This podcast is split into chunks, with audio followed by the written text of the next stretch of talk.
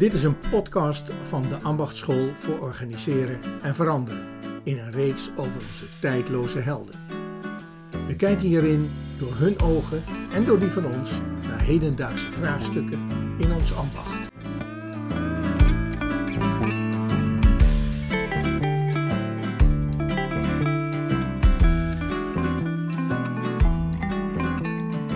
Wij zitten hier bij elkaar om een podcast op te nemen zelforganisatie en zelfsturing. Wij zijn Gert-Jan Schuiling, Brechtje Kessener en ikzelf Odette Moeskops. Wij zijn alle drie verbonden aan de Ambachtschool voor Organiseren en Veranderen.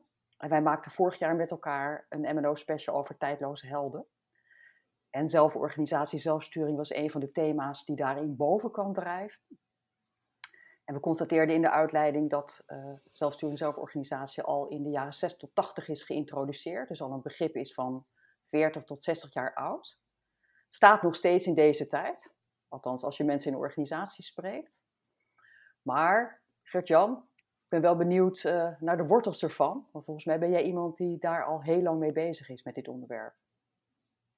Ja, nou, mijn wortels liggen allereerst in de praktijk van het doen.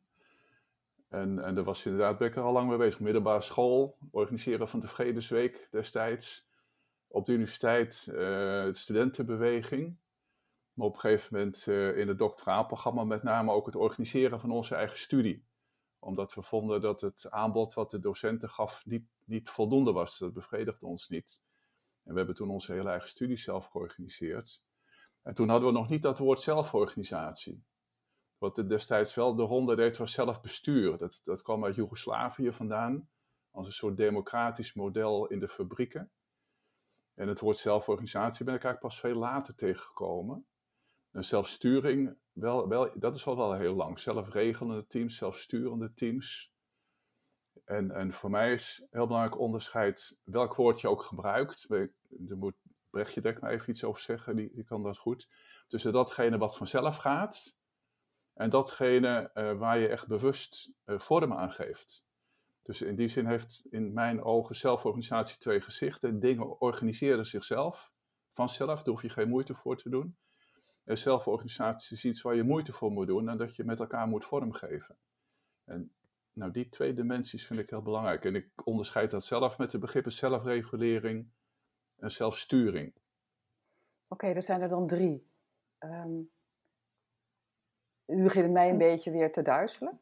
Misschien onze luisteraars ook. Want Brechtje, kan jij heel scherp zeggen het verschil nee, tussen zelfsturing en zelforganisatie? Um, wat ik zie in de praktijk inderdaad is dat er heel veel begrippen zijn. Um, en, en ik denk dan altijd van, nou ja, als we hier met elkaar maar duidelijk hebben waar we het over hebben, dan, dan is dat oké. Dus laten we de praktijk niet dwingen in een format wat er, wat er ergens al is. Het enige waar voor mij steeds een referentie is, dat is dan eigenlijk veel meer een beetje de, de ja, ik weet niet of het zuiver is, maar de, de begrippen vanuit het systeemdenken waarin ze wel twee verschillende oorsprongen hebben. Dan is zelforganisatie iets wat echt komt uit de complex adaptive systems theorieën.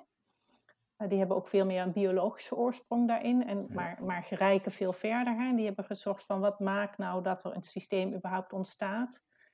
Um, en dan zeggen ze nou, als er allerlei verschillende delen met elkaar voortdurend in een interactie zijn en in een patroon terechtkomen, dan ontstaat er iets nieuws. Dan ontstaat er een nieuw patroon met nieuwe, een nieuw systeem met nieuwe eigenschappen.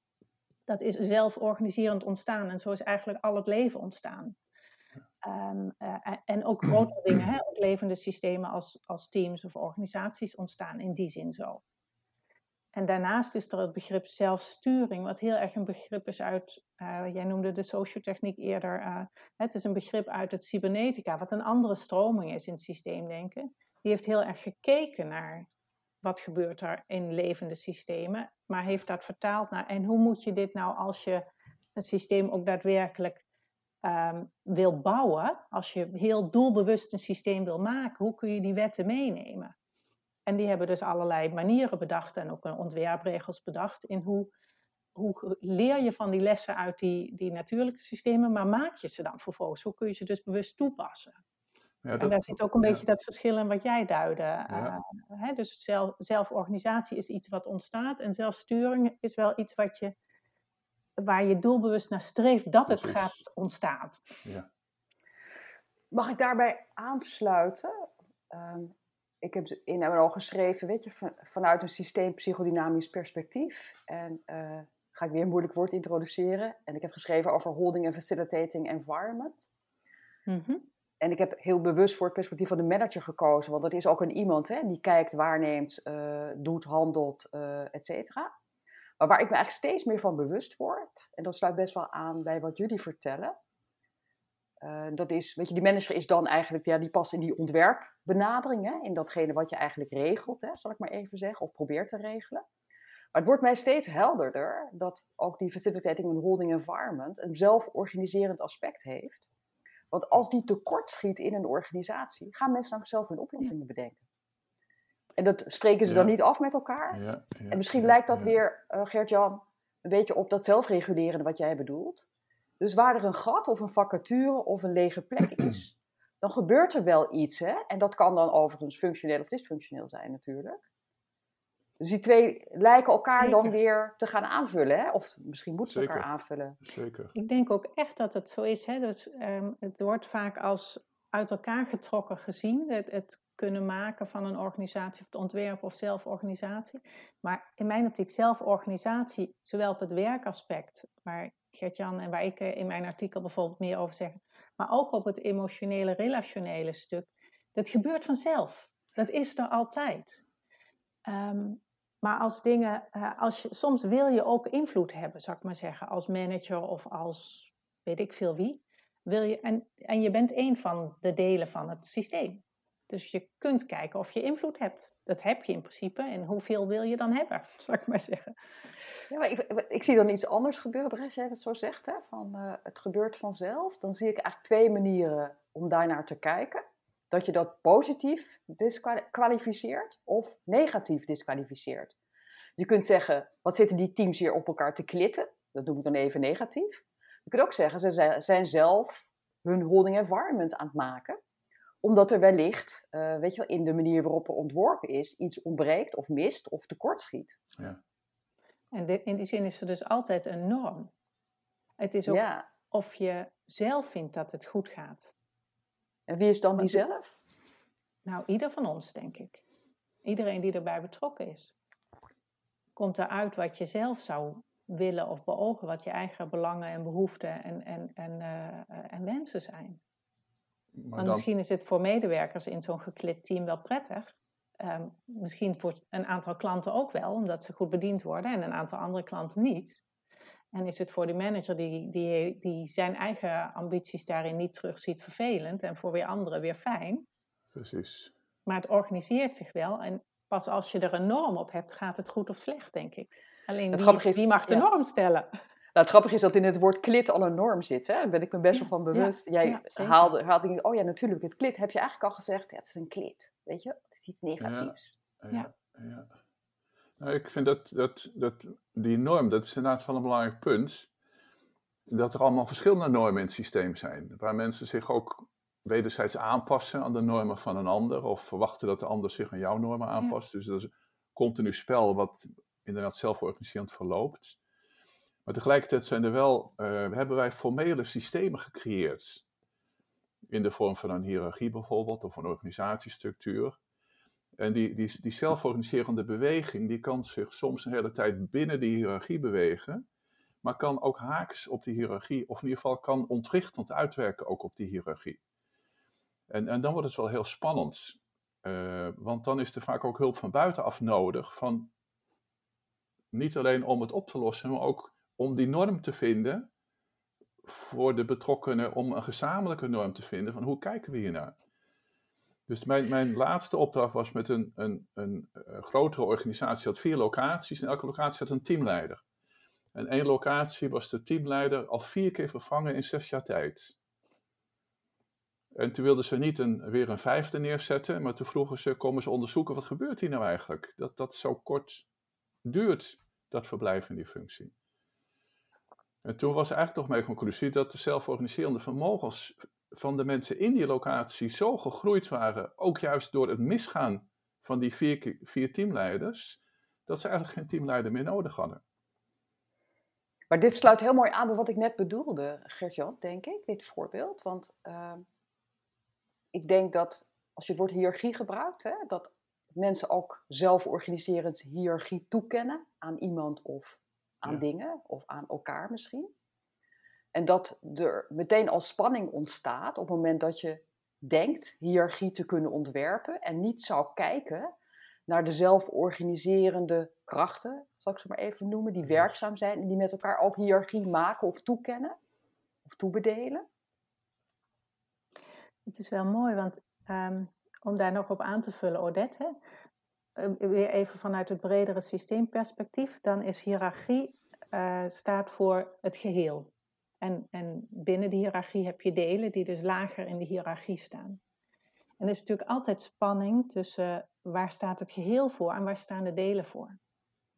Ehm, en het bewaken van het geheel, zeg maar, en het in stand houden van het geheel. Bij jouw eh, voorbeeld, eh, Gert-Jan, dus wat het overkoepelend van die vier teams is, dat is wat anders en dat heeft een ander belang dan elk deelteam. En heeft ook weer een ander belang dan de losse mensen binnen die deelteams. Zeker.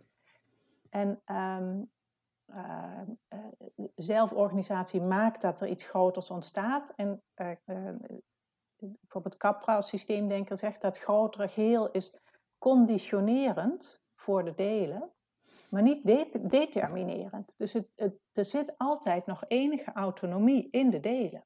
Precies. En het is de vraag in hoeverre nou ja, dat nog voldoende uitgelijnd is. Hè. We hadden het daar net over wat, wat management is. Ehm, in, in Hoebeke's termen gaat management over het met elkaar eens blijven over wat dan de samenhang moet zijn. Ja. En wat het grotere nut is van bij elkaar blijven. Zeker. Maar weet je, dan ga ik toch iets zeggen, want eh, het management gaat daarover. Hè? Van, Ja, management als werk. Dus niet het management Oh, wacht als de manager. Dat is een Oh. heel mooi verschil, vind nee, ik. maar dat is wel een belangrijk verschil wat je heel maakt. want- belangrijk. ja, nee, want Want ik, mag ik het even dus- uitleggen? Ja, Sorry.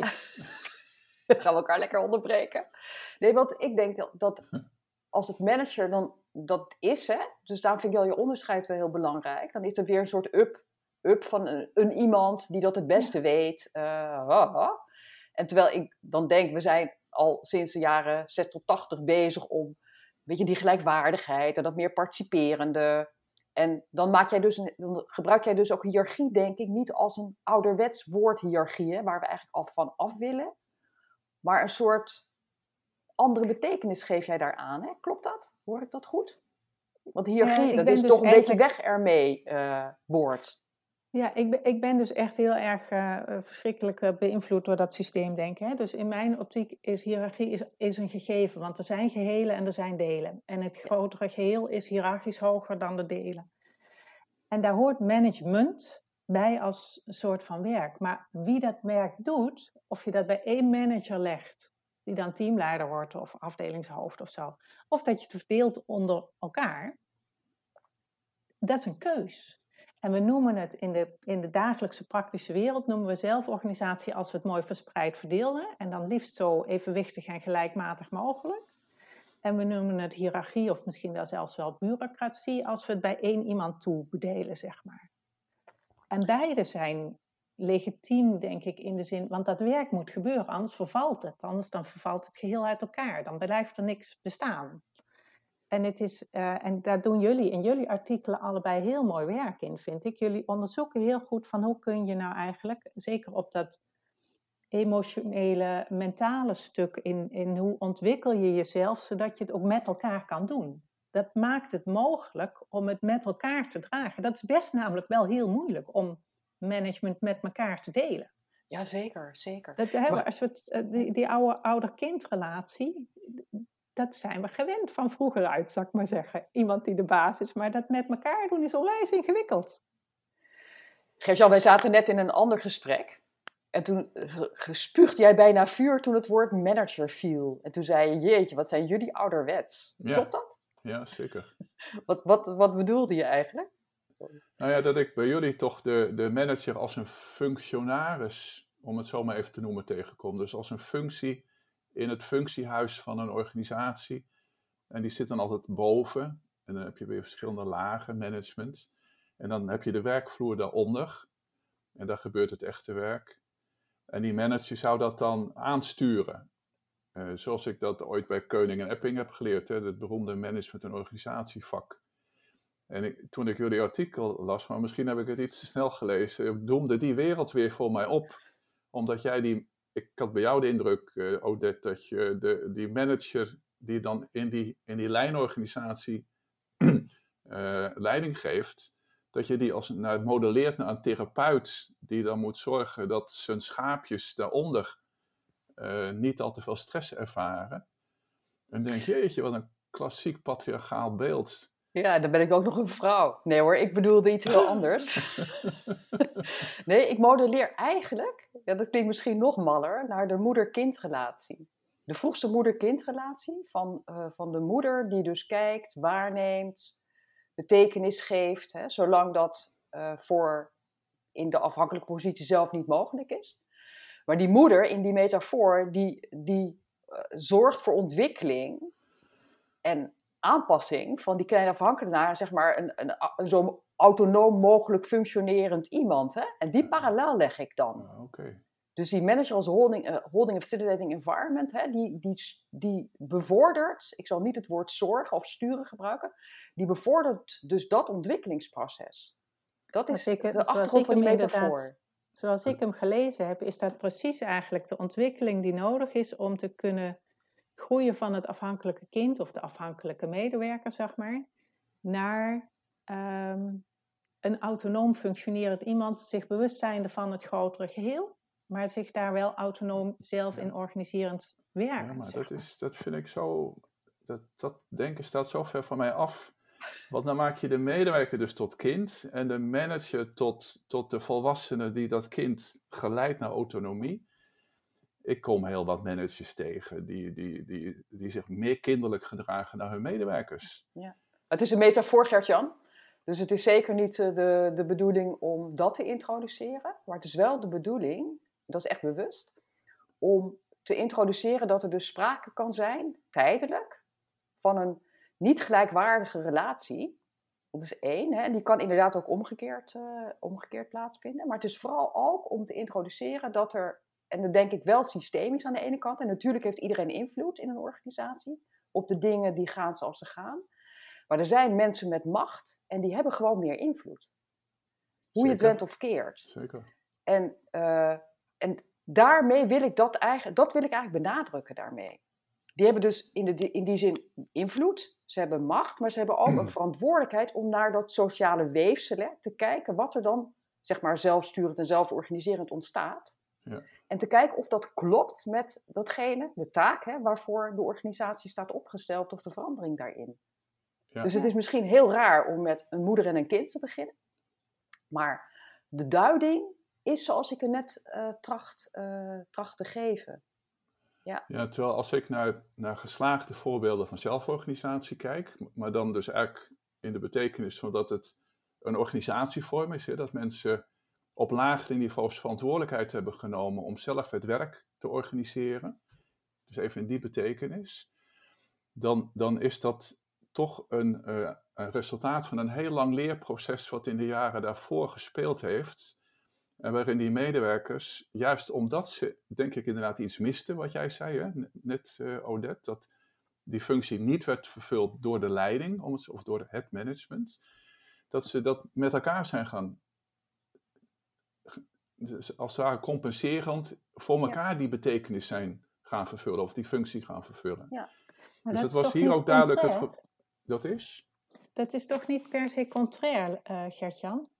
Dus jij ziet het in de praktijk dat het kan ontstaan. En wat Odette schetst volgens mij is dat, dat op bepaalde manieren kun je die ontwikkeling nog wellicht versnellen. Um, Ja. Maar is Zeker, volgens mij niet zeker, contrair zeker. met elkaar. Het zegt allebei iets dat, Ja. dat een, een team wil die met elkaar zelforganiserend, zelfsturend, wat dan ook, meer verantwoordelijkheid nemen dan in de oude bureaucratische hiërarchieën gebruikelijk was, zeg maar. Ja, Ehm, dan is er iets van ontwikkeling nodig. Ja. ja. dat, maar je, mijn verhaal begint dus ergens anders, hè, namelijk bij dat zelf, dat zelf organiserend ontstaan van zelforganisatie. Ja, maar Gert-Jan, Om daar toch? beschrijvingen voor te vinden, omdat ik denk dat voor de, de manier waarop je leiding geeft of adviseert, het heel belangrijk is om een waarnemingsvermogen te hebben voor de processen die die in de jaren daarvoor zich hebben afgespeeld.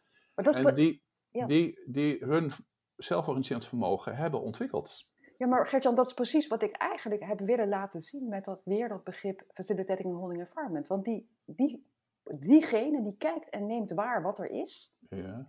en wat er mist en wat er misschien nodig is om die ontwikkelingsstap te zetten die nodig is om.